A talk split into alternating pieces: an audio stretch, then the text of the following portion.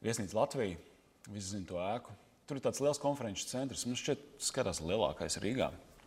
Tur var daudz zāles savienot vienā. Es vadu konferenci. Konferenci veltīt būvniecības tematam. Un kā konferences vadītājiem, princips ir ļoti vienkāršs. Tu piesaki runātājus, tu atbilstoši programmai, tu noklausies cilvēku uzrunu, un pēc tās parasti uzdod arī kādus jautājumus no sevis. Un, un, protams, aicina arī zāli iesaistīties. Nu, viss ir skaidrs. Bet, ja konferences ir dienas garumā, tad, protams, ir kaut kādas arī fiziskās vajadzības. Un es piesaku runātāju, skatos pēc plāna, viņam ir 25 minūšu uzruna. Es domāju, oh, laiks kā jūra aiziešu uz labierīcībām.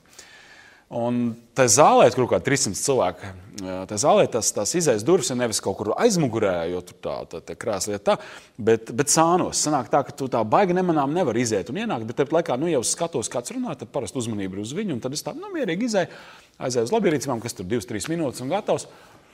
Un es domāju, nu, bet man vēl laiks ir. Un, un es eju atpakaļ un redzu, tur teju un kafiju uzklāt galdiņš, un es domāju, jāuztais tēju. Uztais tēju. Domāju, nu, a, ko es tur iešu to tējas krūzi iekšā? Nu, kur es viņam pēc tam likšu, vai ne? Kaut kuras grīdas jāliek zem krēsla, nu, man izdzeršu to tēju. Un es tagad mierīgā garā skatos, o, tur man vēl laiks ir izdzert to tēju. Nu, kopā es pavadīju apmēram 10, nu, varbūt 12 minūtes ārpus tās zāles. Un es tagad eju atpakaļ ar, to, ar tām gaidām, ar to expectāciju, ka, nu, kā jau parasti, zāles uzmanības runātāja, un es iešu nu, nemanām. Mans mikrofons ir šeit, bet vēl izslēgts, lai nu, nebūtu kaut kāda lieka trokšņa, protams kur nu vēl no labierīcībām trokšņa. Un, es tagad tās zāles durvis atveru. Un, nu, reti ir tāda sajūta, ka tu zini, ka apmēram 300 cilvēki visi skatās uz tevi. Un es to sajūtu, protams, to enerģiju jūtos kā zem palielināmā stikla, zin, caur kuru saule pat var mežā sūnas aizdedzināt. Un es tā stāvu, tad sekundi saprotu, kas ir noticis. Un es, protams, ātri saprotu, ka tā, tas iepriekšējais runātājs, kurus es pieteicu, un kuram bija vēl jābūt uz skatuves, viņš savu runu ir beidzis. Un es tagad pastos skatos, un tur man tāds skatiens pretī stāv organizators, kurš speciāli paņēma profesionālu moderatoru, lai viņam nebūtu jākāpj uz skatuves un jāmoderē. Un viņš tagad stāv ar to mikrofonu, skatās man acīs, un, un tas tā pa gabalu tā zāle liela, un es redzu viņa acīs to apmēram, kur LR ratā tu vazājies riņķī. Viņš to nesaka, protams, ir tāds klusums. Un man ir tagad versijas, divas faktiski, uz ātro.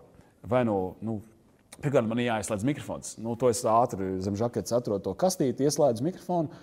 Un, nu, kas ir tas pirmais, ko es teikšu? Jo tā uzmanība ir ļoti sakoncentrēta. Un, un kamēr tu to dari, tu izdomā, ko tu darīsi. Jā, un kamēr es to žaketu paveru un, un pasvaidu un ieslēdzu to mikrofonu, es saku, es precīzi neatceros, ko es teicu, bet es nolēmu, ka es netaisnošos. Es nekādas atrunas, neko, neko vispār. Es vienkārši, man otrā rokā ir nu, tā tāda mapīta ar to programmu, un es tuvojos skatuvē un es saku, nu tā, un nākamais mums pēc plāna runā tas un tas par tādu un tādu tematu. Un vienkārši izlikos, tā kā nekas nebūtu noticis, jo gal galā, kāpēc gan cilvēks nevarētu iziet Jā. un ienākt? Šī ir piņķerīga situācija. Jā. Komunikācijā pilnīgi noteikti. Labdien visiem, kas ir pieslēgušies. Mēs, uh, uh, Kristaps Petersons un Oskars Priede, kā solījām, esam atpakaļ. Uh, un, uh, toreiz Oskars solīja, kad mēs pēdējo reizi tikāmies, ka uh, vasarā mēs parunāsim par tādām vieglākām lietām, parunāsim par tādu, nu, kā saka, kaut kādām kļūdām, neizdošanās reizēm, kas ir komunikācijā, prezentācijā, arī visur citur. Un tieši tāpēc mēs esam šodien šeit. Jūs droši varat mums uzrakstīt. Es saprotu, ka mums čats ir atvērts, uzdot dažādas jautājumus. Mēs jau esam saņēmuši iesūtītos jautājumus arī daudz Zini, dažādas. Jauki, ja dalībnieki varētu uzrakstīt, ko viņi šobrīd dara. Nu, kāds sēž birojā, kāds uh, paralēli kārto finanšu dokumentus, kāds gludina, gludina veļu. Jā, mums ir bijis reāli, ka cilvēks gludina veļu. Kāds tā ēst, kāds sapņo par to, ka būtu ko uzēst, bet īsti nav nekā mājā. Tā kā lūdzu, Jā. rakstiet, iesildieties, un tad jau mēs nonāksim arī līdz. Jā. Mēs esam diena pēc autora. Tas, kas mūs ar Oskaru vieno, ir ne tikai mūsu profesionālā interese par prezentāciju un prezentēšanu, bet uh, ir arī, tas ir arī interneta raidījums, kurā mēs iztaujājam uh, dažādus ar komunikāciju, pat arī ne ar komunikāciju saistītus cilvēkus, kas dalās savā pieredzē un savā zināšanās, kā labāk būtu komunicēt, kā labāk būtu iziet arī no dažādām dīvainām situācijām. Un šādas sērijas kopumā mums jau ir vairāk nekā 80. Tā kā atrodiet droši Facebook, YouTube, piesakojieties mums. Mūsu var redzēt arī LMT strauma, klausīties Delphi podkāstus un arī visās pārējās populārajās podkāstu platformās. Uh, Tā kā cerams, mēs esam pieejami, pieejami plaši.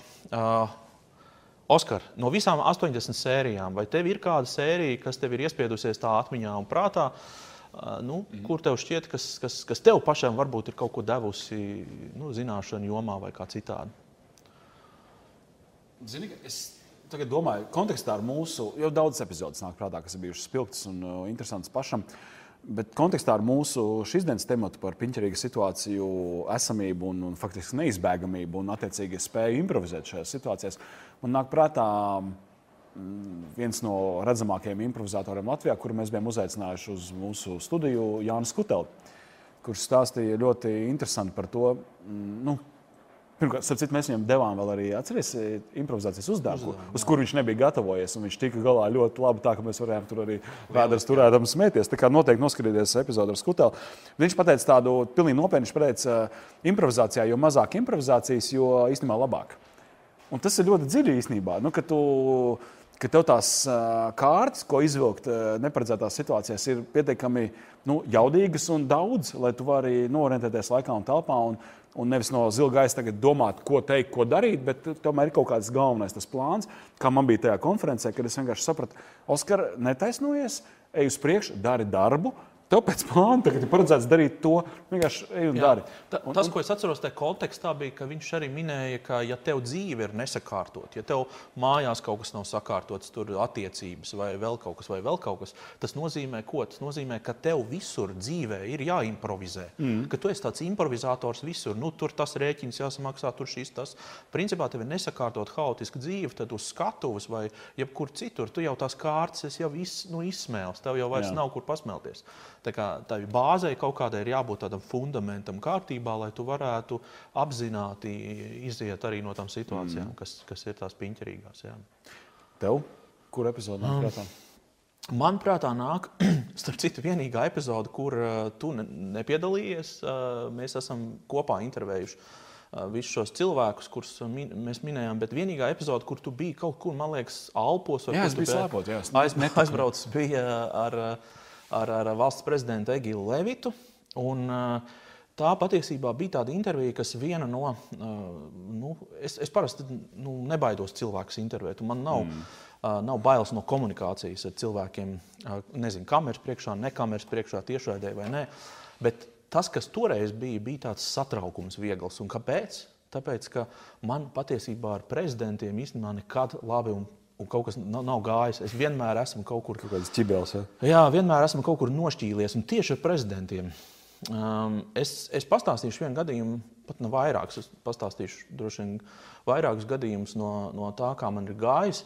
Pirmais gadījums, kad es intervēju prezidentu savā mm, apzinātajā žurnālista karjerā, bija 16 gadu vecumā. Mm -hmm. Es strādāju Kuldīgas televīzijā. Jā, Un, uh, man bija tāda, tāda iespēja toreiz intervēt, uh, tas bija 97. gads, intervēt prezidentu Ulmani. Un, uh, protams, ka man kā 15, 16 gadīgam uh, rokas kājas trīts, tas ir liels atbildīgs, uh, pirmais tāds, tāds varbūt tāda pirmā atbildīgā intervija. Un mēs tagad uh, esam Rīgas pilī, un es esmu viens pats. Man nav operatora. Es esmu ar savu kameru. Tas viss vienā, ja? Esmu viss vienā. Man ir pleca kamera un man ir mikrofons. Un tā doma tāda, ka es filmēju, un es jau biju tā pieredzējis strādāt. Tā kā es filmēju, un es uzdodu jautājumu, un es to mikrofonu dodu, un tas cilvēks atbild. Un, uh, pirmkārt, viņš tādu cirku nebija redzējis. Tas jau ir numurs viens. Viņš prasīja, kur ir vēl kāds cilvēks. Es teicu, ka man nav, es tas visu viens pats daru. jau tas bija jau tāds mazs izbrīns. Bet nākamais variants bija tāds, ka, uh, ka es to kameru izvilku, viss tur ir, viss ir kārtībā, bet es tagad ņemu to mikrofonu, un tas vats ir vienkārši. Es viņu kaut kā nebiju sakārtojis, acīm redzot, nu, acīm redzot un tas vārds bija vienā mučkulī. Vienkārši nu, tā, kā sapinies, sapiņķerējies un tā tālāk. Un tas mikrofons pēc tam vēl bija balts, baltā krāsā, kas vispār ir nu, amatieriski. Un, um, ko es daru? Es, protams, ar sasvīdušām rokām sāku piņķerēt vaļā to vātu. Šis gaida.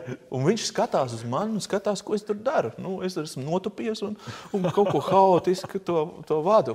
Un viņš saka, Uh, nu, es tev palīdzēšu, iedod man to vienu galu, es paturēšu to vienu galu, un es iedodu prezidentam nu, vienu galu mikrofonu. Viņš tur un es kaut kā mēģinu stūrt. Viņš, viņš tā velkās līdzi man tur, un es, es mēģinu tur piņķerēt. Mēs beigās neatpiņķerējām to mikrofonu. Bija tā, ka man bija kamera, bija iesprāstīts mikrofons, tad ir vats, un tad ir tas mučkulis. Otrā galā ir mikrofons, un, un es intervēju prezidentu. Es nointervēju, es biju nosvīdis, es biju vienkārši pārbījies. Uh, es nezinu, ko viņš par mani padomāja. Bet, um, bet viņš palīdzēja tev. Bet viņš palīdzēja. Man no. Nu. prezidents palīdzēja atpiņķerēt mikrofonu nu, daļēji. Bet, bet tu jau esi intervējis nevienu prezidentu. Man šeit vai nu visus, vai arī visus atjaunotās Latvijas prezidentus. Jā, man, man ir tā gadījies, ka man ir, uh, ka man es tikai Andra Bērziņu neesmu intervējis. Visi pārējie man ir bija kaut kāds sarakstā. Bet, kaut kādas iebildes pret Bērziņu kungu? Vai... Nē, nē, vienkārši man netrāpījās. Es kaut kā netrāpījās viņa prezidentūras laikā nevienu reizi, kad man kaut, man kaut ko vajadzēja. No nu, bet, teiksim, nezinu, vai ar Vītu Freibergu tev ir piņķerējusi vadus vai? vai... Nu, ar Vairu, Vairu Vītu Freibergu ir bijis arī gadījums, bet es vēl vienu izstāstīšu par, par Ulmanu. Mm -hmm. Man bija viens tāds gadījums, tas gan, tā gan nebija intervija, man vienkārši bija jāfilmē uh, Krastmalā 11. novembra parāde. Mm -hmm. Um, un līst lietus. Un Protams. atkal es man ir kaut kāda, atkal kaut kāda 17, 18 gadi. Es jau uh, atkal šiverēju ar to kameru.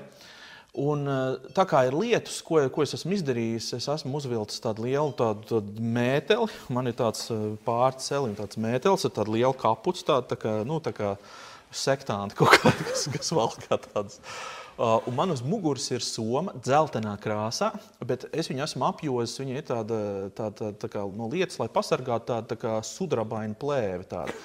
Un es esmu pārvilcis to plēju pāri, un es kopā ar statīvu, kameras somu, to kapuci un to, to kodola reaktoru somu izskatos kā tas, uh, kas tur Černobiļā smidzināja. Tur, tas, tāds, nu.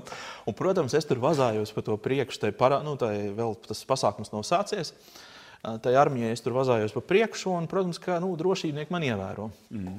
Un, un tagad, ko viņi dara? Viņi pienāk man klāt, viņi saka, mēs gribam paskatīties, kas jums somā.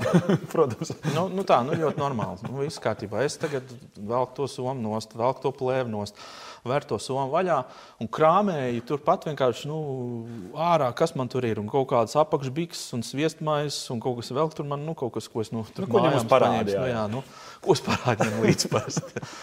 un es tagad izlieku visu to tur ārā un pēkšņi sāk skanēt dziesma. Es jūtu, ka man tas, tas uh, televīzijas tas krāns sāk iet pozīcijas, starta pozīcijā, jā, kad to sāksies tiešraidi. Un tas drošībnieks pielicis kājās, viņš saka, fiksi, fiksi savāc, savāc visu. Jo mēs esam tā, ka te ir tā armija stāv, es esmu pie tam pretī, un viss vairs nekā nav. Es esmu tur ar savām olmaizēm. Un tagad uh, es vācu tur kopā. Tas drošībnieks, protams, ir pazudis jau, jo sākās tiešraidi. Prezidents jau iznāk ārā ar, ar, ar tiem saviem tur. Un es tur ar savām apenēm un visu velku to somu malā. Man tur kāds, man liekas, pat palīdzēja to statīvu aizvilkt. Un, Tas bija otrais, kad Ulmans redzēja man ar, ar acu kaktiņu par to, ka tur bija. Viņa nomaskājies. No es man šķiet, ka tu trāpīji arī toreiz tiešraidē ar savu, savu to, to, to Černobiļas somu un vispārējo. Mm. Jā, bet par, par vairu, um, vairu Vīķu Freibergu runājot, man uh, bija kaut kāds mirklis, kad, uh, kad bija pauze, kad bija tāds garāks pārtraukums. Es prezidents neintervēju, man tur bija Pa starpu vēl es uh, Igaunijas prezidentu Lenārdu Meriju intervēju, kur arī bija savs, savs stāsti, bet uh, to kā citreiz. Bet ar uh, Vairu Vīķu Freibergu man bija 2006. gadā mm, arī intervija, bet tur tāds kompleksāks stāsts, jo viņa bija jābrauc līdzi valsts vizītē viņai uz Izrēlu. Mm -hmm. Un, uh, tur bija tā, ka jau pašā sākumā tur bija problēma. Tāpēc, ka tad, kad mēs aizlidojām uz uh, Izraelu un iekārtojāmies viesnīcā, tad uh, man bija numuriņš desmitajā stāvā. Un es atslēdzu to numuriņu, un es tagad eju iekšā. Un ko es redzu? Es redzu, ka tur ir kaut kādas greznas istabas, tur kaut kādas vairākas ir šampanietes uz galda, tie aizkara automātiski visi atverās. Tur. Nu, es saprotu, ka es esmu trāpījis ļoti glaunā numuriņā. Nu, ka, paldies, jūs par mani esat forši parūpējušies. Un es tā neko nedomāju. Es tā, nu, tā nobrīnos, ka tas tā, hmm, ļoti interesanti.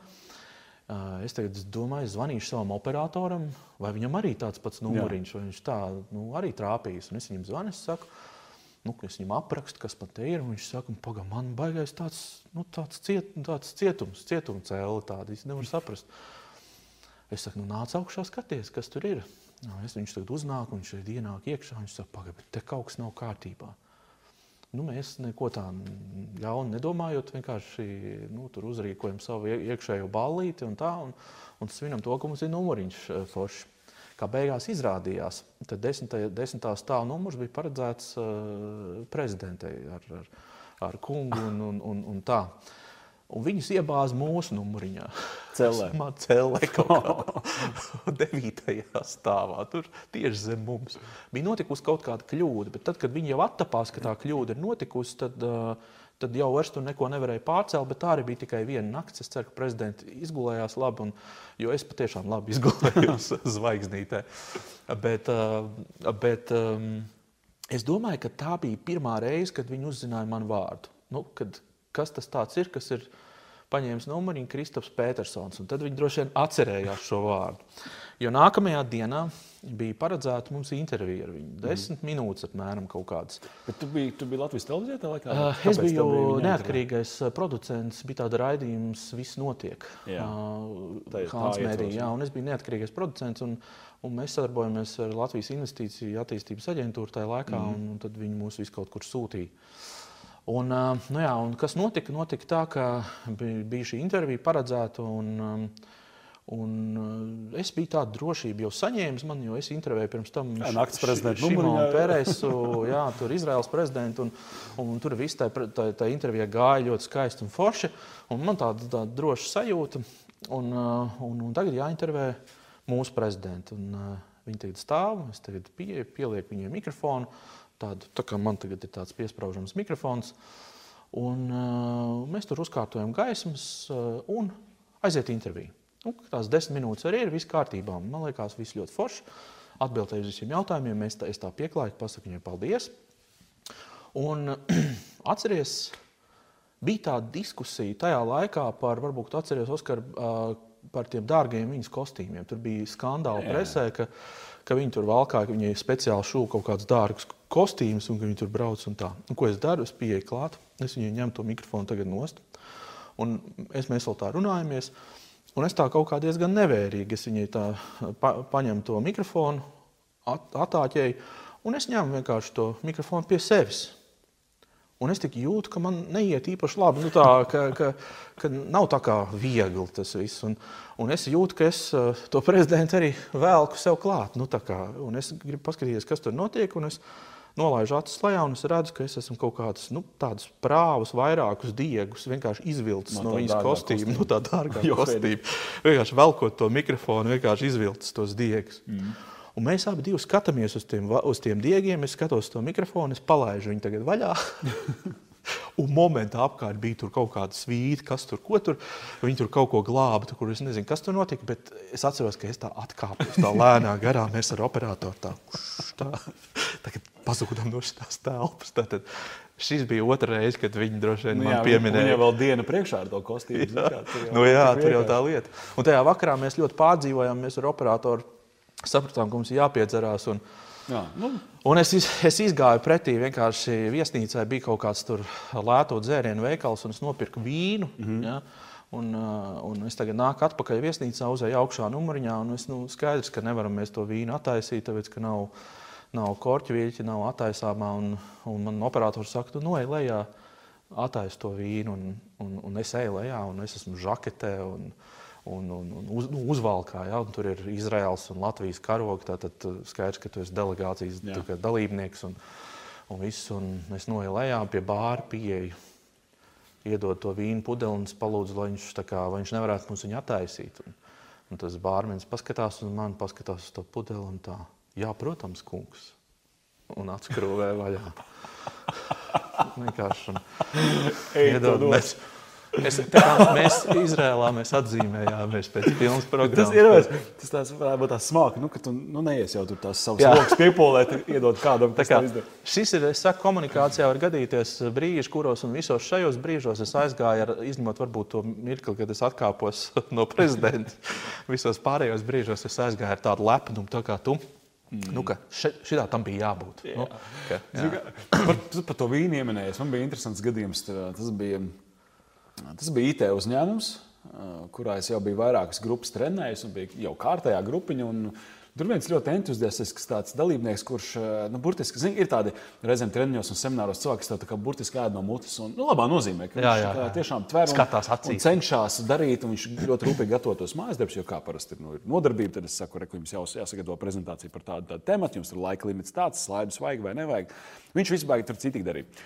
Un vienā nodarbībā, kad es runāju par balsu un tās trenēšanu, dikciju un tām lietām, es, protams, pieminu arī šo slaveno nu, nu, slaveno, man, man šķiet jau slaveno vingrinājumu ar vīna korķi. Kad tu ņem parasto vīna korķi, liec starp zobiem un trenē dikciju, lai, lai skaidrāk izrunātu. Nu, tagad ir pagājusi nedēļa, mums ir nākamā nodarbība. Es tā, nu, kā jau sākumā zinu, nodarbībai tev vajag tādu saucamo nu, tādu saviesīgo sarunu, tādu mirkli, lai to nu, cilvēku uzsildītu. Es prasu, nu, kā jums ir gājis, vai, vai kāds vispār tos mājas darbus ir pildījis ar to dikciju un visiem tiem pantiņiem, šaušliešu dzelzceļiem un tām lietām. Nu, parasti jau es redzu tās nodurtās acis, un cilvēki tur tā baigi nestrādā ar sevi. Un, nu, zin, kā jau tur. Viens čels saka, viņš saka, es jā, man tas reāli... ir entuziastis. Jā, jā, viņš saka, viņš saka, jā, es, es to, man tas vīnu korķu vingrinājums baigi patika. Viņš saka, bet man to vīnu korķu tā interesanti gāja. Es aizēju uz veikalu, nu, jānopērk vīns, jo kaut kā pie tā korķa jātiek. Paņem vīnu, aizēju mājās, sieviņu Iedzersim vīnu, viņš saka, un es tagad tais, nu, gribu taisīt to vīnu vaļā, un es secinu, bāc, tas ir skrūvējums, tas ir metāls. Man, man to, ko nevarēja taisīt pats. Jā, jā, jā. viņš saka, viņš saka, nu, tas stulbi, tas speciāls gāja uz veikalu, lai dabūtu vīnu korķi, bet beigās tu dabūtu, nu, ko metāla korķi neliks zobos. Un, Viņš saka, nu, bet, nu, kā, nu, viņš ir nopirkts, attaisīts, un tad, nu, izdzeram ar Nedrīkst sievu. izgarot. Jā. jā, jā, jā. Viņš saka, nu, jau, zin kā, pēc puspudeles vīņa jau tāds jau, kā, nu, tā kā saka, Un viņš saka, nu, uznāk tā kā cēma mazliet, ka nu, viņš gribēja darīt to vingrinājumu, bet nu, viņš saka, nu, viņš man ies vēlreiz uz veikalu. Viņš saka, nu, tagad jau es esmu gudrs, es skatos tur uz tām pudelēm, nu, kur ir tas īstais korts iekšā. Viņš saka, nu, paņem to vēl vienu vīnu. Viņš saka, nu, kad, nu, kad iesils jau tāds, atnāk atkal mājās. Viņš saka, nu, tad atkorķē tur to, izdzer to otru pudeli ar seviņu, un tagad tas vakars, protams, tur tā straujāk noslēdzās. Viņš saka, nu, iedomājieties, es pamostos no rīta un, un saprotu, ka es to vīnu korķi, nu, kā aiz inerces esmu izmetis atkritumos. Nu, viņš saka, Tu man tā iedvesmojies, tu, es gribēju to vīnkorķi, ja vingrot. Es, saka, es izdzēru divas pudeles ar sievu, pie vīnkorķa tā arī netika. Un tad, uh, tad tas tā morāli, jā, tā visā ir. Ka, Nu, ieradumiem ir liels spēks īstenībā. Nu, ka, ja tu esi uztvērs to kā nu, kaut ko izmetumu, tad to arī izmet. Jā. Un... Es, es vēlos visus jūs aicināt, tiešām tie, kas ir pieslēgušies un skatās, droši rakstiet savus jautājumus un komentārus. Mēs esam Dažus no tiem jautājumiem jau saņēmuši, par, uz tiem mēs arī atbildēsim. Un, un, un tā, bet tā kā, droši rakstiet, izpaudieties tā, lai mēs arī redzam, ka kāds mūs skatās. Mums sajūta, ka mēs skatāmies, skatāmies kaut kur. Nu, kā televīzijā ir tā sajūta, ka tu, ka tu, ka tu nu, kā, skaties tajā kamerā un tu neesi īsti pārliecināts, vai tur pretī ir viens cilvēks, desmit cilvēki, desmit tūkstoši, desmit miljoni. Okay. Man liekas, par televizīju, ja tu pieminēji, bija interesanti pieredze. Nu, kā, tur bija daudz interesantu Tur ir ļoti daudz interesantu pieredzi. nu, manā gadījumā es, es ne, nebiju televīzijā tik ilgi kā tu, bet man tā intensitāte bija ļoti augsta, jo es vadīju raidījumu tiešā eterā. Jā. Kas, ir, eh, kas bija? Ah, nē, ir vēl, protams, tas rīta raidījums 900 sekundes, tagad tas ir TV3, kādreiz, bija, kādreiz tas bija LNT. Un es tur biju apmēram 2-3 eh, rītus nedēļā. Nu, tad diezgan eh, liela tā slodze, bet nu, tu jau kaut kādā brīdī pierodi pie tā, ka tas ir tiešais ēters un tā. Un, un, protams, ir reklāmas pauzes, kuras samērā garas, tur 4,5 minūtes, 5, reizēm pat 5,5 minūtes. Tad, kad tu esi pieredzējis pie tā tiešā ētera, tā laika ritējuma, tev 5 minūtes liekas kaut kas nereāli garš. Nu, tu vari uz labierīciem mums ir. Tur papļāpāt ar kolēģiem, tur uzsēsīt sev te kafiju. Nu, Tev tur atkal vecais tas jā. ar iziešanu no tā. Nē, nu, obligāti, jo tā studija ir karsta. Tu novelc žaketi, protams, jā, nu, jo veči jau tur sēž žaketēs un dāmām tur kaut kāda kostīma vai kleitas un tā. Un es tagad to žaketu novilcu, izgāju, satieku grimētāju, un tur vairākas grimētājas, viena tāda rītīgi runīga. Mums vienmēr ir par ko parunāt. Mēs tur kaut ko ierēcam. Un, es tagad stāvu kaut ko, un man tā interkoma austiņa, nu, kur ir parasti saka, nu, tur minūte līdz ēteram, pusminūte līdz ēteram. Es viņas izņēmu, jo tur reizēm kolēģi vārās, joko kaut ko, un viņš traucē, ka tur runā ar cilvēku, tev cita balss galvā. Nu, es to interkoma austiņas izņēmu, nu, lai var mierīgi parunāt. un vienā brīdī tā, tā, tā grimētāja tā pastāsta riņķī, nu, ka tie galvenie tie atslēgas personas vairs nav tajā telpā, kas tā atpūtas tā telpa. Jā, Nu, Neatpūtas, bet nu, tāda kā. Un viņa tā, Oskar, tev nav jābūt ēterā. Un es, tāds, un es saprotu, ka man tas interkoms ir izņemts. Un es paļāviens. Nesos uz to studiju. Man nav izpratnes, vai es jau esmu nokavējis, vai, vai, vai, vai vēl ir laiks. Un es tagad ielieku to austiņu, un es dzirdu, kur ir Oskars. Nu, tad pirmais, ko es dzirdu tajā austiņā, Kur ir Oskars? Un es vēl skrienot, ieslēdzu savu mikrofonu, kurš, protams, ir izslēgts, lai nu, nav tā, ka visi tagad dzird, ko es runāju Jā, jā, jā, jā. nu, privātā sarunā. Es tagad skrienu, un es saku, es jau nāku, un es, es knapi paspēju apsēsties, ka tieši sākās ēteris, un respektīvi paspēju. Jā, jā. Un Kristīna Gaklauka, ka ar to ri- tajā rītā mums bija ar viņu pārī, un viņa skatās, man rēts, tu bet jau, jau ēterā. Saku, Oskar, kur tad tev žakete? Nu, respektīvi, ka ir tā piņķerīgā situācija vai tāda, nu, jo es esmu vēl bišķi tā kā aizzelsies, tāds, jā, paspējis, nu, tur nebija tālu jāskrien, bet, nu, tomēr. Bet, nu, tas ir tas moments, un... vienmēr ar to paspēšanu. Tas ir tas mirklis, bet tagad. eh, Bet vienkārši pabeidzot, Jā. ka, kas arī palīdz, nu, ko, kas arī skatītājiem varētu būt noderīgi. Nu, ja tu vari ierēkt par sevi, vai, vai nu, ja ir kolēģi, kas ir tādi lojāli, nu, nevis kā apsmēja, bet nu, tā kā. Paironzē arī iesmēja viens par otru, super labi, jo to Kristīna ļoti labi toreiz izdarīja. Viņa tā kā iesmēja, uzskata, kur tad tev žakete. Jo, jo loģiski, ja visu rīta raidījumu ir uh, Čāls sēž žaketē un pēkšņi pēc reklāmas viņš nav žaketē, nu, jautājums, vai to kāds pamana vai nē, bet ja pamana, tad varētu būt tāds, ka mēs tā kā paši norādām uz savu, nu, šagad uz manu kļūdu. Un viņi tā kā izvelkam dienas gaismā, īsi apspriežam, burtiski tur 10 sekundes, 15. Es saku, ah, nu, vai karš studijāt, jau zinu, tā. Es neatceros precīzi, ko es Jā, teicu. Un, un tas tā ar vieglumu, un es vienkārši visu to bloku novadīju bez žaketes. Nu, īstenībā, nu, kas tad tāds, vai ne, ka tu esi kraklā, nu, tur Jā, jā. nu, ne jau pidžamais tur bija. Bet uh, bieži vien ir tās situācijas, kur tev ir jāimprovizē, nu, kur tev Jā. jā. ir kaut kas jādara. Un uh, vie, viena no tām situācijām, starp citu, mums ļoti labi aprakstīja Zorgus. un Es gribu, lai tu, uh, es tev uzdošu tādu mazu uzdevumu. Tev ir jāmēģina uh, tagad atbildēt, ko tu darītu tādā situācijā. Tu uznāc uz skatuves. Varbūt pasākums nav īpaši formāls, bet tāds, nu, tāds pusformāls pasākums. Mm. Un tu dzirdi, ka sāk veidoties tāda grupiņa iekšā, kas saka, tev novelc bikses, novelc bikses. Ak, Dievs. Tad tu stāv uz skatuves, tev ir jārunā, un tagad tu dzirdi, ka tev tādi, tādi kaut kādi. Mm. Draugi, vīri, vai kas tur tā, tur tādi uh, paziņas, kolēģi, vai kas šādi te ir uzsākuši. Ko tu dari? Nu, pirmkārt, man tagad tā paprovocēja. ja Es domāju, ka cik reāli ir tāda situācija, kā Ir reāli, dzīvē. ir reāli. Bet Zorgus stāstīja šo situāciju kā pilnīgi reāli. Viņš stāstīja arī, kā viņš no tās izgāja. Es atceros to, to, to mūsu epizodu ar viņu. Ko es darītu tādā situācijā? Mm, Ja godīgi, pirmais, kas man nāk prātā, es teiktu, tiem, kas to varbūt inicē, es teiktu, ok, ja jūs, draugi, man pievienojaties šeit uz skatuves, un mēs visi novākam tās bikses, ir ok. Ja es viens, tad nē. Nu, tas varētu būt viens no, nu, kad tu kā saki jā tai auditorijai, tai, tai provokācijai, bet ar nosacījumu. Jā, bet ar nosacījumu. Nu, tāds, Tas man pirmais, kas man nāk prātā, bet nu, tu man paņēmi to bišķi nesagatavot. Nē, jo, redziet, man, ir- man pasākumos nav tāda, nu, konferencēs tā nedara cilvēki. Tas ir, jo viņš, man liekas, runāja par kaut kādu izklaides tur tādu. Tā nezinu. bija izklaides, tas bija izklaides Jā, jā. pasākums, bet, bet, bet es, es, es arī apzināti tev šo iedevu, tāpēc ka uh, tu, tu, tu, tu it kā arī pareizi nu, to noformulēji, to domu, ka uh, tu atbildību vai fokusu novirzi uz kaut ko citu. Mm. Piemēram, šajā gadījumā tu teici, ja jūs nāksiet, novilksiet kopā ar mani bikses, es arī novilkšu bikses. Ja? Un tas ir mums darījums. Tad tas ir kaut kā tā, tā, tāds, tāds, tāds veids, ka tu pa, pa, padod atpakaļ to uzmanību uz viņiem. Un, piemēram, man ir situācijas bieži vien bijušas, kur ir kaut kādi runātāji, kas kā ir kaut kādi nu, pārgudrīši tajā auditorijā, Jā. un viņi tur tā sāk arī kaut ko komentēt. Tas, ko vajag ar viņiem darīt, vienkārši viņus aicināt, lai viņi nāk un tad lai viņi izsakās tā, lai mēs jūs visi redzam un dzirdam. Un tad ir tā situācija pavēršās mazliet citādāk. Tāpēc, ka tad, kad tu esi viens iekšā tur tajā zālē un tu kliedz tur iz- izkliedz tās savas domas un tā tālāk, tu esi tā kā viens no bara. Bet tad, kad es tevi uzaicinu pie sevis uz skatuves, tajā brīdī tevī iestā, tev iestājās atbildība par to, ko tu saki. Tu vairs neesi vienkārši tautas balss, kas var izkliegt jebkādas mm. rupjības, dumības, bet jau tev ir jāsāk nu, tā kā, nu, tu esi tā kā, nu, tu maini mazliet to, Jā. to, to tur. Un, un ir bijušas tādas situācijas, kur, kur es esmu izmantojis šo veidu, un tas patiešām diezgan labi arī strādā.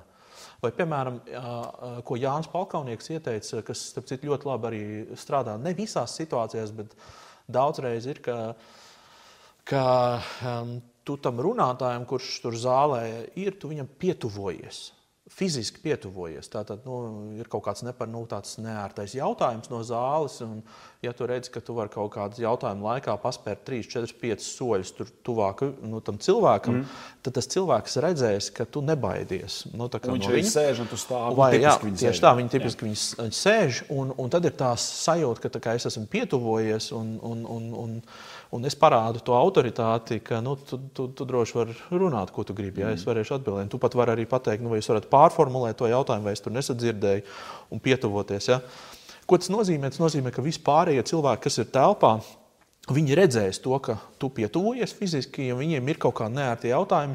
Viņi visticamāk negribēs, lai tu pietuvojies arī viņiem. Tā, tā ir tāda, tāda, tāda drusku varas spēle, kas notiek mūsu smadzenēs. Man nāk prātā viena konkrēta situācija, kas bija Ventspīlī. Man uzaicināja vadīt uh, semināru par publisko runu. Un, uh, un nebija ļoti liela auditorija, kaut kur 50, 60 cilvēki. Bet beigās miks uzņēmēji, bija arī studenti, un arī skatījos, bija daži augstskolas pārstāvi. Un, uh, un pirmajā rindā sēž kungs ar iesirmiem matiem, žaketīte, kaklasēta, augstskolas pasniedzējs. Bet tas vēl neko tādu. Nu, nav jau tā, ka es ieraugu pasniedzēju, uzreiz jau ir problēma. Bet principā tā ir jau saknē mazliet problēma. Ceļš, nu, kā, nu, tie cilvēki, kas gadu desmitiem pieraduši būt uzmanības centrā, un ka viņos klausās, ka viņiem ir viedoklis un ka, viņš, ka tas viedoklis ir pareizs. Jā. Jā. Nu, tagad es vadu to semināru, un, uh, un tā situācija ir tāda interesanta. Viņš sēž pirmā rindā, un es esmu burtiski nesen sācis. Viņš pacēla roku. Es domāju, nu, forši, nu kā. Nu, jā, lūdzu. Viņš saka, man te tāds jautājums. Viņš piecinās. Es stāvu tur, viņš man pagriež muguru un runā ar auditoriju. Jā. Sanāk, kā viņš pārņem, nu, jo viņš ir pieredzējis pie tā, ka viņš ir tas, kas runā. Nevis jā, jā, viņš sēž jā, kā jā. students un klausās. Ja. Un, uh, un tajā brīdī es saprotu, nu, ir tāds sarkanais karoks jau, nu, ir problēma. viņš kaut ko izsakās, un pēc tam viņš, viņš sāka teikt, man te tāds jautājums. Piecēlās, pagriežās pret autoriju un izsaka savu jā. viedokli, nevis viņam kāds jautājums. Okay.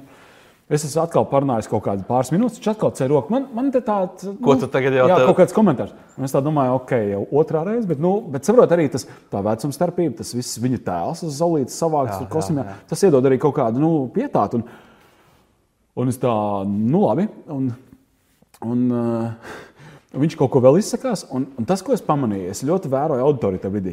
Un es redzu, vairāk sēž tāda bišķi neizpratnē. Apmēram, jā, jā, jā. Nu, À, tad tu dabūji savā pusē kaut ko. Nu, jau īsti nē, bet es redzu, ka potenciāli tā auditorija varētu būt manā pusē. Jā. Jo es jūtu, ka, ja es turpināšu viņam ļaut tā uzvesties, viņam ir tas tā kā, tā kā eļļa ugunī ieliet. Ja? Nu, viņam jau Aha. aiziet. Nu, tur kaut kādas, nezinu, specifiskas personas, kaut kāda personības nianses, nu, kāpēc viņam tā vajag darīt. Bet, nu. bet tu jau rupšs arī negribi kļūt, vai ne? Tieši tā. Nu, kā es tagad nu, publiski pasākumu, es runāju par komunikāciju, galā es nevaru kaut kā rupji viņu atsēdināt. Bet es sapratu, ka man viņš ir jāatsēdina. Jā. Jo es zinu, ka nāks tā trešā reize, un, ja nāks trešā, nāks arī septītā. Un viss mans seminārs, viss man programma faktiski būs uh, kaķim zem astes. To es arī nevaru pieļaut, jo tas ir mans šovs. Nu, jā, es neļaušu to kādam nozagt. Un tagad es runāju, un es uh, nu, runāju ar autoriem. Viņš teica, ka drusku malā, tā pirmā rindā. Un es viņu visu laiku ar perifēro redzu, vēroju, bet uz viņu neskatos, lai viņš nesaņemtu no manis vēl uzmanību. Jo, nu, lai viņam nebūtu tāds kaut kāds iedrošinājums, ka viņš var tagad izteikt. Nu, tagad jūs, tagad jūs. O, jā, jā, jā, mēram, un es runāju, un viņš tā atkal. Viņš jau nav neko pateicis. Viņš, jau, saprot, viņš jau kā viņš jau pacēla roku un gaida, ka viņam dos vārdu, bet viņš jau ceļās jau Jā. reizē. Tā, tā, un es runāju, un es ieraugu to kustību, un es viņam saku, tagad nē. Mazliet pietuvojos, es tagad negribu daudz steigāt, jo kameras nenoķers. Ja, bet, bet eh, es viņam mazliet pietuvojos, tas, ko Palkoniks šeit teica. Un es ļoti, nu, kas ir diezgan tāds autoritīvs un es teiktu, paskarbs žests. Es teicu, tagad nē. Es saku, mums būs pauze, izrunāsim divu tā. Un viņam bija tā, Bet viņš arī kā pieklājīgs cilvēks. Viņš nevar teikt, nē, tagad jā. Nu, jā, jā, jā. Es vienkārši pateicu, tagad ne. Un tad es atceros, ka man ir daži iespējams potenciāli atbalstītāji, kuriem bija mazliet neizpratne par tā kungu uzvedību. Un es patu, nu, redzēju, tiem žestiem ir, nu, ko reizēm cilvēku skatos, neievēro. Viņi žestikulē, bet ir ļoti saraustīti. Ja? Bet tas, kas ir svarīgi, bieži vien ir ceļš tādās. Nu, nu, varbūt mazliet smagākās situācijās vai lielākas atbildības kaut kādās uzstāšanās, iesaldēt žestus. Nu, tiksim, tur rāda kaut ko skatu uz ekrāna. Kā. Un es tos žestus iesaldēju, tagad ne. un es pavēršos pret autori, bet roku atstāju. Es saku, es domāju, ka daudz man piekritīs, ka mums nu, ir limitēts laiks. Mēs esam sanākuši mazliet, nu, lai kā, nu, tomēr pieturētos pie programmas, un mums jāiet uz priekšu. Un es domāju, ļoti daudz piekrītošas tāds, jā, jā, jā, un, jā. Un, un, un viņš jau to enerģiju sajūt. Jā, un tik, viņam, paldies, ne pietiek inteliģents, lai saprastu. Un uz visu to atlikušo pusotru stundu viņš sēdēja nu, ļoti mierīgs. mierīgs jā, tā kā, kā, nu, reizēm ir tā, ka tev ir jābūt, nu, ir jāatsēdina cilvēkiem. Mēs esam iedevuši jums dažus tādus padomus. Tātad, ja ir neērtais jautājums, varat izvērtēt situāciju un varbūt pietuvoties tam cilvēkam fiziski. Nevajag, protams, darīt tā, kā arī kāds mans klients darīja tieši starp citai pašā Vēnspilī, mm. kad, kad, kad es viņam, protams, biju izstāstījis šo lietu, nu, kad tu vari pietuvoties cilvēkiem, ja ir neērts jautājums. Bet tas uh, klients viņš ļoti, viņš ļoti burtiski uztver visu, ko, ko es viņam stāstu. Kā viņš, uh, kā es pastāstu, tā viņš dara. Un, uh, Un, un bija arī, protams, viņš stāv uz skatuves un ir neērtais jautājums, bet tur ir 400 cilvēku tajā zālē vai nu, tur kaut kādi 300. Un tas jautātājs atrodas tieši zāles aizmugurē, nevis kaut kur pa vidu vai priekšā, kā tavā mm. gadījumā. Jā. Un, protams, ko tas mans klients dara? Viņš nokāp no skatuves un viņš iet cauri pūlim, tā kā Jēzus. Vienkārši nu, tā kā viss pašķirās. Viņš vienkārši iet tā, es, es tajā brīdī, es domāju, stāvēju tur pie tās uh, kolonas, domāju, zeme atveries. Nu, nā, nākamreiz neko neteikšu. Bet, tā kā, tā kā izpētiet situāciju, ko jūs varat darīt un ko jūs nevarat darīt. Tas arī ir mm. fakts. Mums ir jautājums, uh, ienācis, ko tad Zorgus izdarīja? Vai viņš novilka tās bikses vai nē? Un te es teiktu, tā, jums Nesaki. ir jā, jāpaskatās, jāpaskatās. Jums ir jāpaskatās jā. tā epizode, jo viņš viņu aprakstīja tik sulīgi un tik labi, Mene. ka mēs to nevarēsim atkārtot un mēs nozagsim vienkārši. Tad, tad vēlreiz, ja ievada YouTube meklētājā diena ne, pēc, ne, YouTube nē, YouTube tur vecās nebūs, epizodes tur nav. vecās epizodes nav. Tad Facebookā. Bet Facebookā var, Facebookā var ierakstīt dienu pēc zorgus un, un, un viņi tur izlaiks tā tā, tā saruna. Jā. Var ap, apskatīties arī LMT trauma vai, vai vietelevīzijā. Tur ir, tur ir zvargus sērija.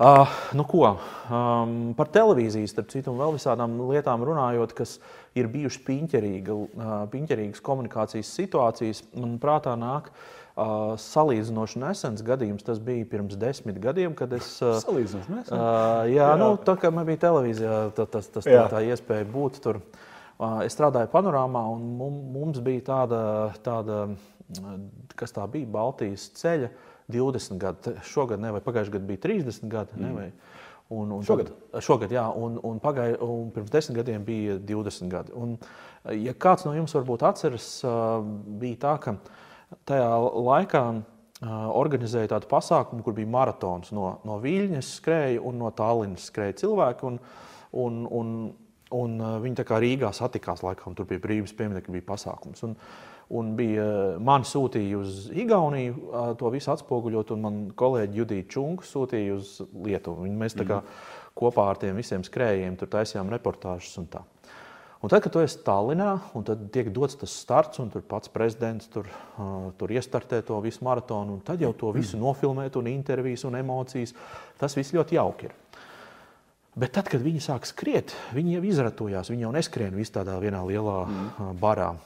Viņi izratojās, un tur jau nu, tur piefilmēt, vai kā jau ir mazliet kļūst grūtāk un, un apgrūtinoši. Bet, um, man pulksten sešos vakarā ir dienas ziņas, un man ir tiešraidē jābūt un jāstāsta, kāda ir tā norises gaita, cik tālu mēs esam tur pietuvojušies, cik tur pirmais skrējējs, cik pēdējais ir. Nu, kaut kā tur tas viss, un es ar tiem organizatoriem sazvanos, un man tā informācija ir.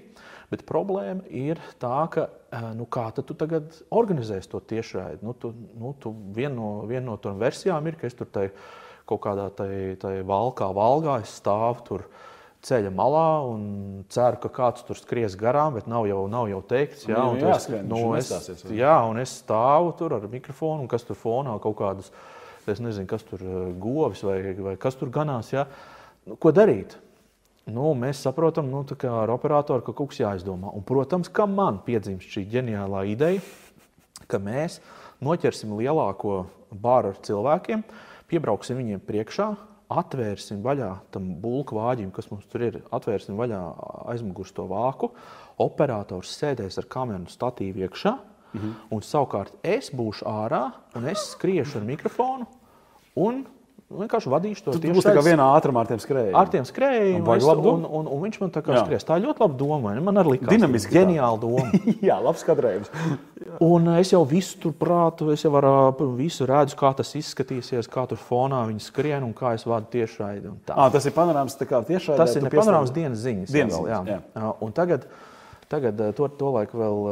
Ilva Liepiņa, viņa vada to, to, to viņa pieslēdzās tagad mums tagad tiešraidi.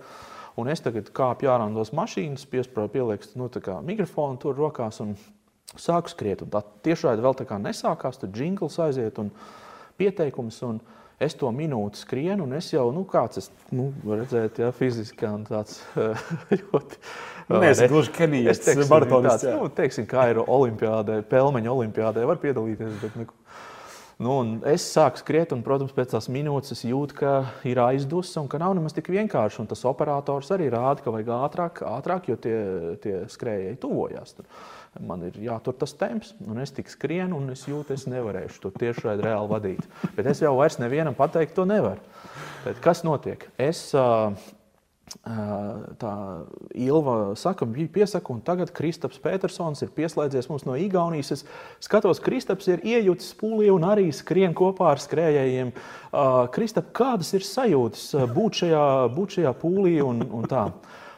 Un es esmu sarkans, jau sviedros, un es visu dzirdu ausī, ko viņi saka. Un, Un es domāju, ja es atvēršu mutu un sākšu to tiešraidi, es viņu nepabeigšu. Es vienkārši noģīpšu, un es to izdarīšu visu Latvijas priekšā. Un es pieņēmu lēmumu, ka es skriešu, un es tēlošu, ka es neko nedzirdu. es vienkārši skrienu, un viņi man, man runā, un es skatos kamerā. Man operators rāda, ka ir viss jau sācies. Es skrienu, un, un es vēl piekārtoju, kā to ausu, ka es neko nedzirdu, kaut ko tur, kaut ko tādu. Un viņi divreiz atkārto to jautājumu. Viņi saka, nu jā, mums ir tehniskas problēmas, un tā mēs atslēdzamies. Bet uh, skatītājs redzēja vismaz vizuāli. Viņš redzēja vismaz vizuāli, ka es esmu, tevi. jā, un, bet nu, es tā arī nepa, nesāku to tieši. Viss ir ieguvēji. Ja tu tiešām tu būtu sācis runāt, tad... Es nebūtu pabeidzis. Tas jā. ir skaidrs, nebūtu pabeidzis varbūt pat teikumu. Es pat nevarēju iztēloties, kā man balss skanētu. Uh, un, bet tā doma ir tāda, ka bieži vien, kāpēc es šo piemēru dodu, tāpēc, ka um, Mēs bieži vien, tad, kad gatavojamies prezentācijām, mēs pārdomājamies, pārcenšamies. Mm. Tas, ko mēs izdarām, mēs savā, savā prātā uzbūram, kāda būs skatuve, kāds būs iekārtojums, kāda būs publika, cik augstu man būs ekrāns. Tu, tā kā galvā es kaut kā jau uzbūru to sajūtu, kā būs, ka tad, kad tu būsi uz tās skatuves, kā tu teiksi, kā tu uznāksi. Un tad, kad tu esi tajā situācijā, tu bieži vien saproti, ka tā nav realitāte, ka tas mm -hmm. ir kaut kas citādāks. Ka, ka tu nebija kaut ko tādu iztēlojies, ka īstenībā tas gaismas stars ne tā tevi apspīd tā publika ir skaļāka nekā es biju iztēlojies. Tur kaut kas brauc ar kaut kādiem ratiņiem, tur ar, ar tām glāzēm, gling, gling, gling, gling, ja, tur to tu arī nebija paredzējis. Mm. Tad vienā brīdī tas tev tik ļoti pārņem, ka tu jau sāc nu, apšaubīt, ko tu tur tūlīt teiksi, kā tu to teiksi, un sāc mainīt kaut kādas spēles noteikumus sev. Tā kā tas viens no maniem ieteikumiem, arī ņemot vērā manu televīzijas pieredzi, uh, ir nemēģināt iztēloties kaut kādas situācijas, ļaut notikumiem notikt un drīzāk zināt savu saturu, būt pārliecinātam par to, ko jūs vēlaties pateikt. Bet tiešām iet varbūt tādu ļaut, ļaut notikumiem notikt. Ja jūs kaut kur pārtrauks, tad jūs pārtrauks. Ja, ja būs kāda cita situācija, tad jūs uz to spēsiet adekvāti reaģēt, jūs nebūsiet iztēlojušies. Jo mēs ar Oskaru arī esam, arī, eh, mums ir bijusi iespēja prezentēt eh, TED uz TED skatuves, TEDx, TEDx skatuves. TEDx, jā.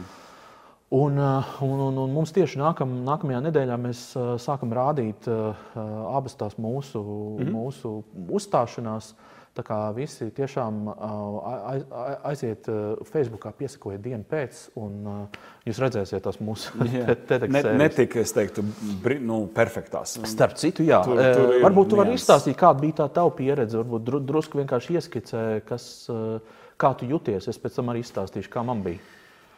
Jā, nu tiem, kas nu, daudz nu, zina to TED standartu, un TED ir tā kā tava CV kaut kāda sastāvdaļa. Ja tu esi bijis uz TED vai TEDx skatuves, tas parasti ir uz mūžīgā laikam internetā pieejams. Un, Bieži vien arī cilvēki integrē savā mājaslapā TED runas. Un, tāpēc, tas ir kaut kas tāds, ar ko palepoties. Kā tāds ķeksīts, ķeksīts vimpelīts, nezinu, kā nosaukt.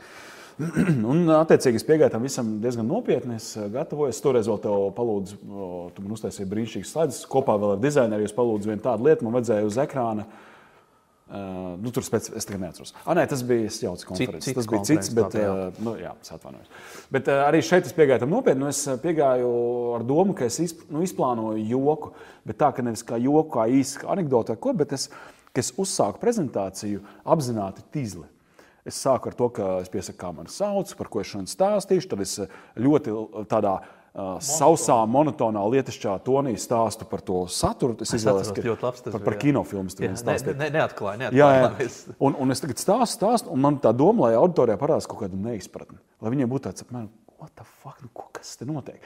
Un es, kā, un es eju tam cauri, un, un man ir paredzēts, ka es vienā brīdī pasaku, ka, nu jā, un šādi notiek reizēm biznesā, ka mēs stāstām par sakarīgām lietām tik izlā stilā, nu, ka, ka tas nu, neaizķer autori. Un tagad es to pateicu, tad es. Nu, Un, tas ir tas brīdis, kad jābūt tam nu, nosacītam atvieglojumam, vai kaut, kād, nu, kaut kādai iesmiešanās, vai kaut, kād, kaut kādai enerģētikai ir jāmainās auditorijai. Jā, jā.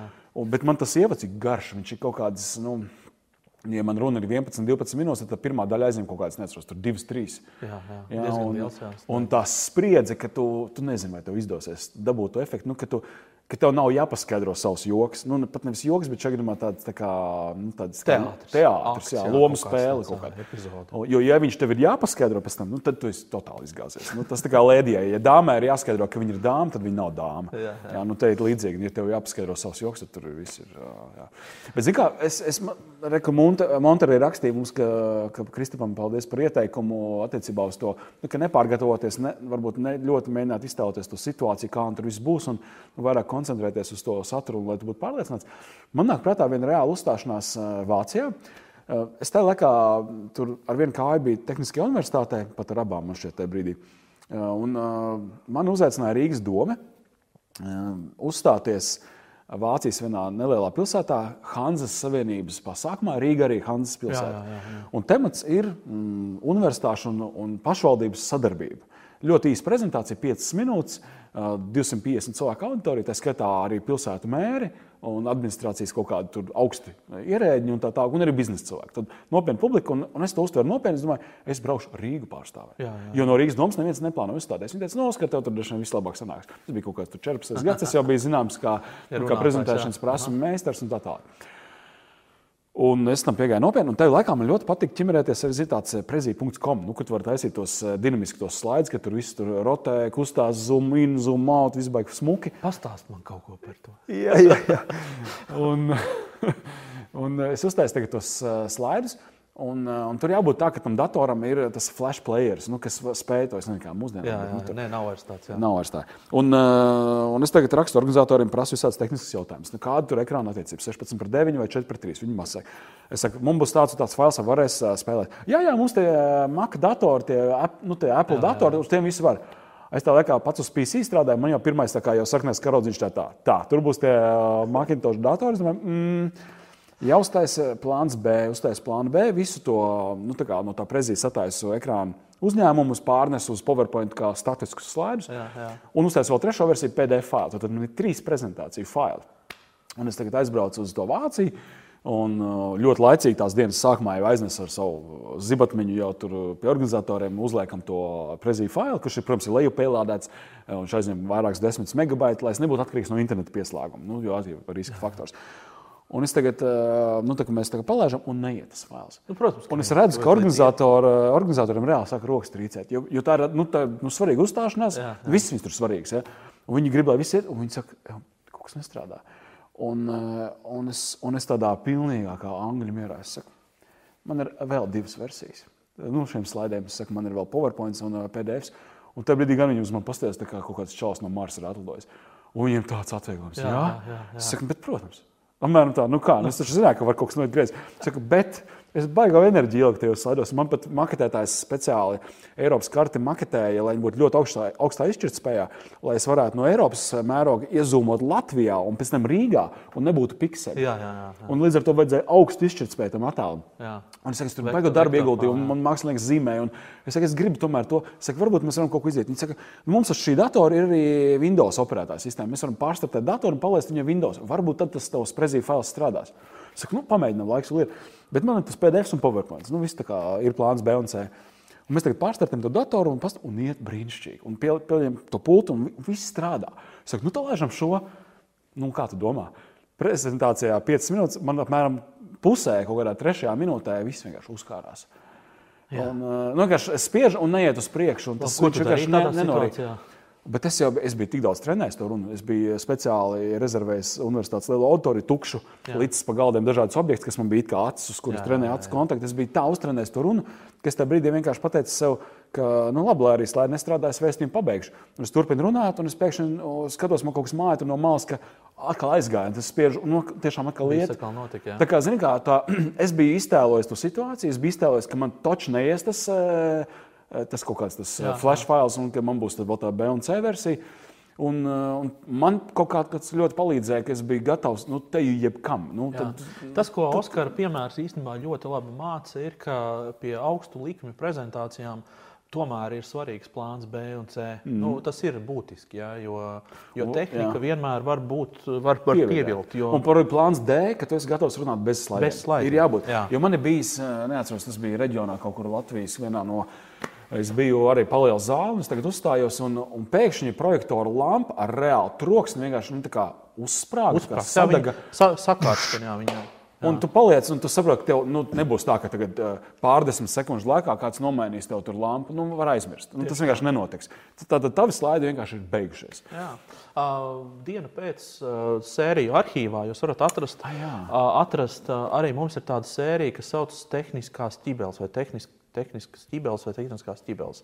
Un tur mēs, starp citu, mm. aprunājam šos, te, šīs te, šos te momentus, kas notiek tajos brīžos, kad uzkarās slaidi, kad izdziest ekrāns, kad beidzās elektrība telpā. Mm. Šis, šis viss ir uh, tur aprakstīts, un, un, un, un mēs par to arī un tavs piemērs atcauc atmiņā arī man vienu tādu ļoti slavenu gadījumu, kur uh, liela kompānija Latvijā, nesaukšu tagad nosaukumu, uh, vadītājs no, no, no ārzemēm, jā, mm -hmm. atlidojis speciāli uz Rīgu. Tagad uzkāpju uz skatuves, ir jābūt gada atskaitēji un jaunā produkta paraugiem. Un, un, un viss prezentācija, nu, slaidi ir uztaisīti ļoti skaisti, viss ir izplānots ļoti burvīgi. Tas cilvēks attālināti kaut ko arī pat ir mācījies. Un tā. un mēs satiekamies īsi pirms tā pasākuma, izdiskutējam, izklikšķinām cauri tos slaidus. Viss skaisti, viss zina. Nu, tā, kāpjam uz skatuves un aidā. Un, eh, protams, ka tādā lielā pasākumā tur ir eh, kaut kāda arī nezinu, pultis, ja tur ir džeki 20, kas katrs par savu vadu ir atbildīgi. Ja, tur eh, viss it kā ir kārtībā un sakārtots. Un tajā mirklī, protams, kad tas um, cilvēks runā uz skatuves, nevis kaut kā viss aiziet tumsā. Bet tas slaids vienkārši uzkarās. Tu vairs neko nevari izdarīt. Tu nevari pārslēgt. Kaut kur kaut kas pa vadu vienkārši nav aizgājis un, mm. kā saka, ir nofrīzējis tas slaids. Un tajā brīdī, protams, jau tie 20 visi speciālisti metās, un katrs ir gatavs slēgt, pārstartēt, tur vēl kaut ko darīt. Un Mēs tur tā arī nomocījāmies un nevarējām, nevarējām piešķirt to prezentāciju. Bet problēma bija tajā, ka tas vadītājs nebija sagatavojies tik labā līmenī, lai viņš zinātu tos skaitļus un visus nosaukumus un vispārējo no galvas. Viņš bija paļāvies tiešām uz tiem slaidiem. Un bieži vien lieliem vadītājiem, kuri saka, nu, ka viņiem nav laika tur, vai viņi, viņi kaut ko tur nevar sagatavoties, tāpēc, ka nu, man visu laiku ir, es taču esmu ļoti aizņemts, ja? mm. uh, ir, ir tās atrunas šīs, ja? tad tajā brīdī viņi saprot un, un, un, un, un uz savas ādas piedzīvo, ko nozīmē būt uz skatuves kailam. Bet nu, jūs dabūjāt pamīzes, domāju, pēc tam. Ne? No Mēs visi stāvējām, jā, tur, protams, ierindā nākamajā dienā, un mums, mums vis, vi- viss tika pateikts, ko, ko viņi par mums domā. Jā. Nu, tā tiešām bija vairāk vai mazāk tehniska vaina, ne tur varbūt kāda cita vaina, bet, nu, protams, visi bija vainīgi. Mm. Tur. Um, mums vēl ir dažas minūtes. Jā, pievēršamies varbūt jautājumiem. jautājumiem. Jā, mums bija daži jautājumi iesūtīti pirms, pirms šīs pārraides. Droši vēl čatā arī jūs varat norādīt kādu jautājumu, jo es skatos, ka čats mums tāds šodien klusāks. Bet, nu, cerams. Elvīra bija rakstījusi, ka viņa pagaidām nezina. Nu, viņai nav jautājumu. Sadaļā jautājumā viņai bija rakstīts, pagaidām nezinu. Varbūt, ka tagad viņa var uzrakstīt. Bet, uzrakstīt. ja nopietni, tad mums ir kādas ir bijušas pašiem ķepīgas situācijas, kā tikām galā. To mēs izstāstījām. Um, kādu ieteikt universālu instrumentu ķepīgām situācijām? Nu, tādu tableti apēd un viss tiek galā. Tiek galā. Nu, sāstu? nu, ziniet, kā, kā nu, tur es varētu bārstīt folklorizētas citātus par to, ka, kas dara visam, nedara nekām. Aha. Un šis īstenībā būtu iederīgi, iederīgs sakāmvārds, jo nu, katra situācija, situācija ir unikāla. Ir situācijas, kur, ja notiek kaut kas neparedzēts, ir muļķīgi tās ignorēt. Jā. Um, un, es šeit nedomāju kaut ko ekstrēmu. Tikpat labi tu runā, tev ir tā prezentācija, un kāds uh, no ēdinātājiem varbūt mazliet pārcenšas un iestum uh, kafijas galdu ar, tām smaržīgajām kanēļu maizītēm. Nu, tā kā laicīgi, lai jau cilvēki, bet tev vēl prezentācija iet. Un tagad uh, ir tā smarža un tā skaņa, kling, kling, kling, visā ar tiem ratiņiem.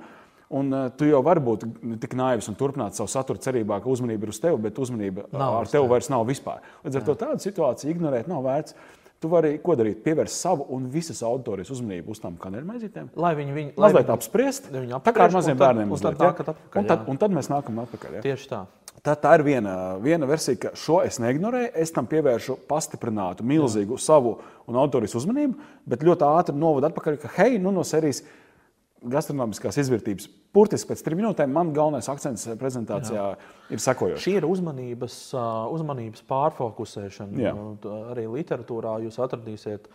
Ir daudz minēts tas, ka, ja ir ķēpīga situācija, kas ir līdzīgi kā bērniem, uz pieaugušiem cilvēkiem tas strādā tieši tāpat, ir jāpār, jāpārfokusē uzmanība. Ja? Tā tad mm. Oskara piemērs šajā ziņā vienkārši ļoti, ļoti labi strādā. Man, man atbildes jautājumu noteikti ir improvizācija improvizācija palīdz. Un tie, kas varbūt nu, saka, nu jā, nu, ka es jau neesmu dabīgs improvizators un tā tālāk, mm. tie, kas ir pamēģinājuši paiet tajos improvizācijas kursos vai, vai, vai pamācīties no, no, no, no, no, no meistariem kā Skutels un Breidaks. Un, Kaspars, ja, un, un, un jā. tā tālāk. Viņi, viņi var pastāstīt šīs metodes, kā tas, kā tas ir un kas ir tie pamatnoteikumi šajā, šajā improvizācijas elementā. Un, Un, un es teiktu, vēl ir, viena, vēl ir viens tāds moments, ka es vienmēr prātā turu kaut kādu varbūt tādu ģenerālu, vispārīgu tādu joku vai stāstu, kur es varu uh, attiecīgi šai auditorijai pastāstīt, tādā veidā no, novēršot to viņu uzmanību mm. no kaut kāda ārējā momenta, it kā pārtraucot to. to, to to prezentāciju un sakot, uh, man nu pat kaut kas ienāca dīvains prātā, un, un kaut kā pastāstīt to, jo tas tā kā ir mazliet dīvaini, mm. bet tajā brīdī labāk ir mazliet dīvaini nekā tad, ja tev nav uzmanība. Ja? Jā. Un tādēļ atpakaļ uz to tematu. Man, man, man personīgā pieredze, kas man glābi parasti improvizācijā, ir tas, ka atcaucoties vēlreiz uz skuteli, kurš teica, jo improvizācija mazāk improvizācijas, jo labāk. Aha. Ko es daru? Es, es to saucu par glābšanas riņķi. Ja man ir kaut kāda prezentācija, teiksim, 10, 20 minūtes, es vienmēr pirms uzstāšanās, vēl jau gatavojoties, es izdomāšu, kā es galveno vēstījumu varu pateikt 30 sekundēs. Jā. No serijas, ja kāds pirms prezentācijas teiktu, Oskar, par ko tu runāsi? Un es viņam varu pateikt, kodolīgi, visaptveroši, 30 sekundēs galveno domu. Un tas ir man tāds kā tests. Oskar, ja tev kāds tagad pienākt, vai tu varētu? Ja nevar, es neļauju savu vietu skatos. Nu, lūk, un tad, kad man notiek kaut kas neparedzēts, es varu teikt, ka, nu jā, tagad mums ir projektors nobeidzies, vai tā ūdens glāze ir aplēsta datoru, vai vēl kaut kas tur, un vai šādi jautājumi es negaidīju, un man pārsteidz jūsu viedoklis. Bet es atgādinu, ka mēs šodien esam sapulcējušies, lai runātu par ķēpīgām situācijām, prezentācijās un kā no tām veiksmīgāk izkļūt. Tāpēc jā. aicinu jūs arī pārdomāt, kādi komentāri un jautājumi varētu būt iedarīti šajā atpakaļ uz virsrakstu. Tu ej atpakaļ uz virsrakstu, uz virsrakstu. kuru tu vari pārdesmit sekundēs pateikt, kas ir tas virsraksts, lai Jā. tu neesi totāli izsists. Šajā ziņā es ļoti iesaku izlasīt, eh, ir latviešu tulkota brīnišķīga grāmata, eh, vārdu neatceros uzvārds Brēdemējers, un eh, grāmatas nosaukums Melnā retorika. Ļoti citu intriģējušu nosaukumu piekritīsiet, melnā Jā. retorika. Un tur ļoti daudz ir aprakstīts dažādas ķēpīgas situācijas un kā prezentētāji no tām ir izkļuvuši un kā var tam gatavoties. Un, citu, mums arī bija jautājums no, no, no, pagad, no Montes. Ah, jā, kādu lasām vielu jūs ieteiktu? Tad Brēdamēja ir melnā retorika šajā kontekstā ļoti labi iedarās. Tev jā. kāda grāmata varbūt? Es varbūt ieteiktu uh, Kar Karmaina Galo um, mm. grāmatu Talk Like Ted. Man, man patiesībā liekas, ka viņi ir tajā grāmatā ir aprakstītas tādas ļoti vispār zināmas un, un, un it kā vienkāršas lietas, bet bieži vien tās Čatā. vienkāršās lietas ir arī tās, kuras mēs esam kaut kādā veidā ignorējuši. Tāpēc labi vienkārši ir šeit vienkārši pāršķirstīt un atgādināt sev tās vienkāršās pamata patiesības, ko nozīmē būt uz skatuves, ko nozīmē tikt galā ar satraukumu, ko nozīmē gatavoties un vispārējo. Un tā kā mums tas tiešām laiks jau iet uz, uz, uz galu un, un uz beigām, tad es vēlreiz gribu vienkārši atgādināt to, ka mēs arī ar Oskaru uh, kopā vadām uh, treniņus, treniņu mm -hmm. sesijas. Tās ir intensīvas uh, mācības, kuros var piedalīties. No manas puses uh, jūs redzēsiet, saņemsiet uh, vēstījumu, formulēšanu, fokusēšanu, uh, un, un, un, un vispār satura stratēģiju, to, kādā veidā ko stāstīt. Un, savukārt, Oskars, ko Oskars darīs? Oskars jums iemācīs. Es grāmatas čatiņā, Jā, lai cilvēki okay. redz. Es pamatā koncentrējos uz, uz to, lai prezentētājs runājot monologā no skatuves, izveidotu sajūtu auditorijai, ka ar viņiem sarunājas. Tad no satura iepakošanas viedokļa, un kā es to mīlu teikt, ka mums ir ingredienti un tā mērķis, kādā tu pasniedz, ir ārkārtīgi svarīgi. Tieši tā. Plus man, mans jājams zirdziņš ir balss, tad, tad melodisks un izteiksmīgs balss treniņš. Un, un tādā ziņā tas pāris, kombo jā, ir ļoti jā. labs, jo mēs viens esam vairāk uz saturu un uz stratēģiju, un otrs uz, uz to iznešanu. Tad kopā jūs saņemat skaistu, labu paciņu. Tas ir kombo, ja? Nu, tāds kombo, jā. Tāds, tāds, tāds, es domāju, jāsaka tandēms.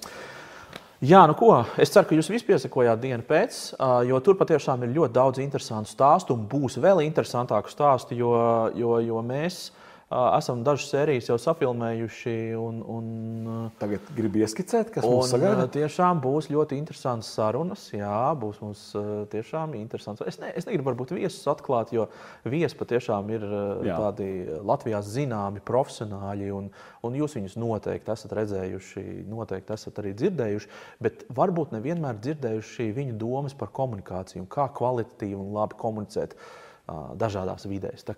Šie jautājumi joprojām uh, ir interesanti, atklāti, un mēs par tiem gribam vēl jums arī pastāstīt. Jā, jo diena pēc iestājas pret, pret viduvēju, pret, pret viduvēju komunikāciju. komunikāciju Latvijā. Jā, kā, un paldies, paldies, ka bijāt kopā ar mums. Es ceru, ka bija interesanti. Un, un... Nu, man bija. Man arī bija. Man par tiem man diegiem bija. no žaketēm viss super.